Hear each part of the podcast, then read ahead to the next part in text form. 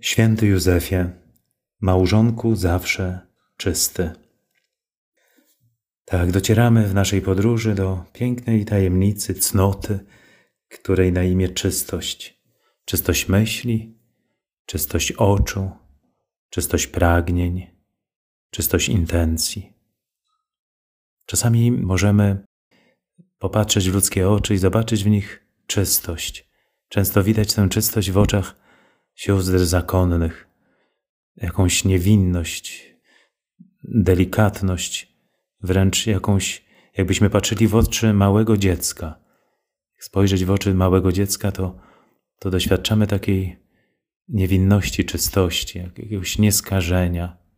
Mam wrażenie, że gdybym mógł spojrzeć w oczy Maryi, Józefa, zobaczyłbym właśnie tę tajemnicę tej czystości. W dzisiejszym świecie nie jest łatwo o zachowanie tej czystości myśli, pragnień.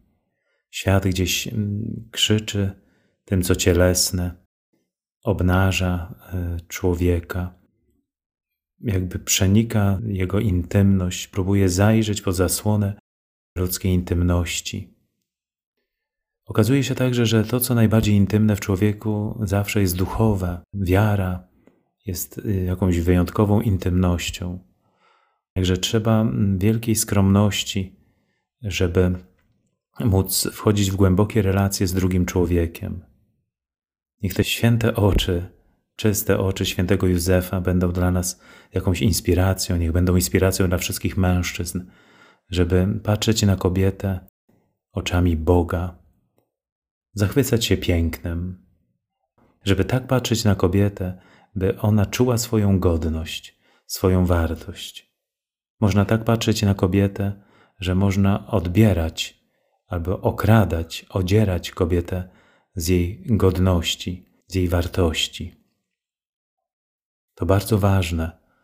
Kobieta w pełni odkryje swoją wartość w oczach Boga, ale także odkryje ją w oczach swojego mężczyzny, który będzie patrzył na nią z godnością, z godnością, która pokazuje jej wartość.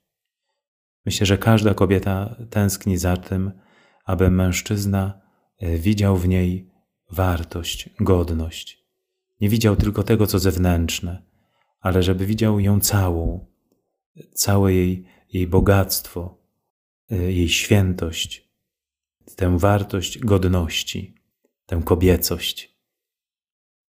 Jestem przekonany, że właśnie tak patrzyli na siebie małżonkowie z Nazaretu. Tak widział Józef Maryję i tak Maryja widziała Józefa.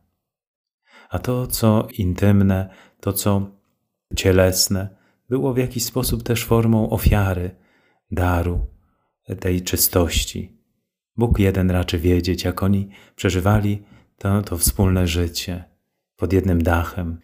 Nigdy nad tym się nie zastanawiamy, może albo rzadko, ale jak musieli być przeniknięci tą Bożą łaską, która przecież nie, nie mordowała w nich ani męskości, ani kobiecości.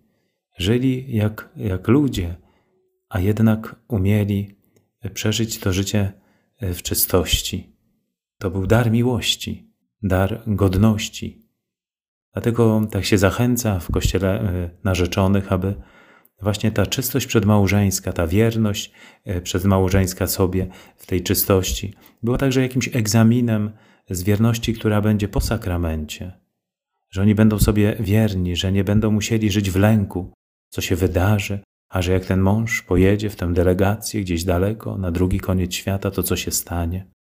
Tylko, że będą y, budowali na zaufaniu, na tej tajemnicy czystości.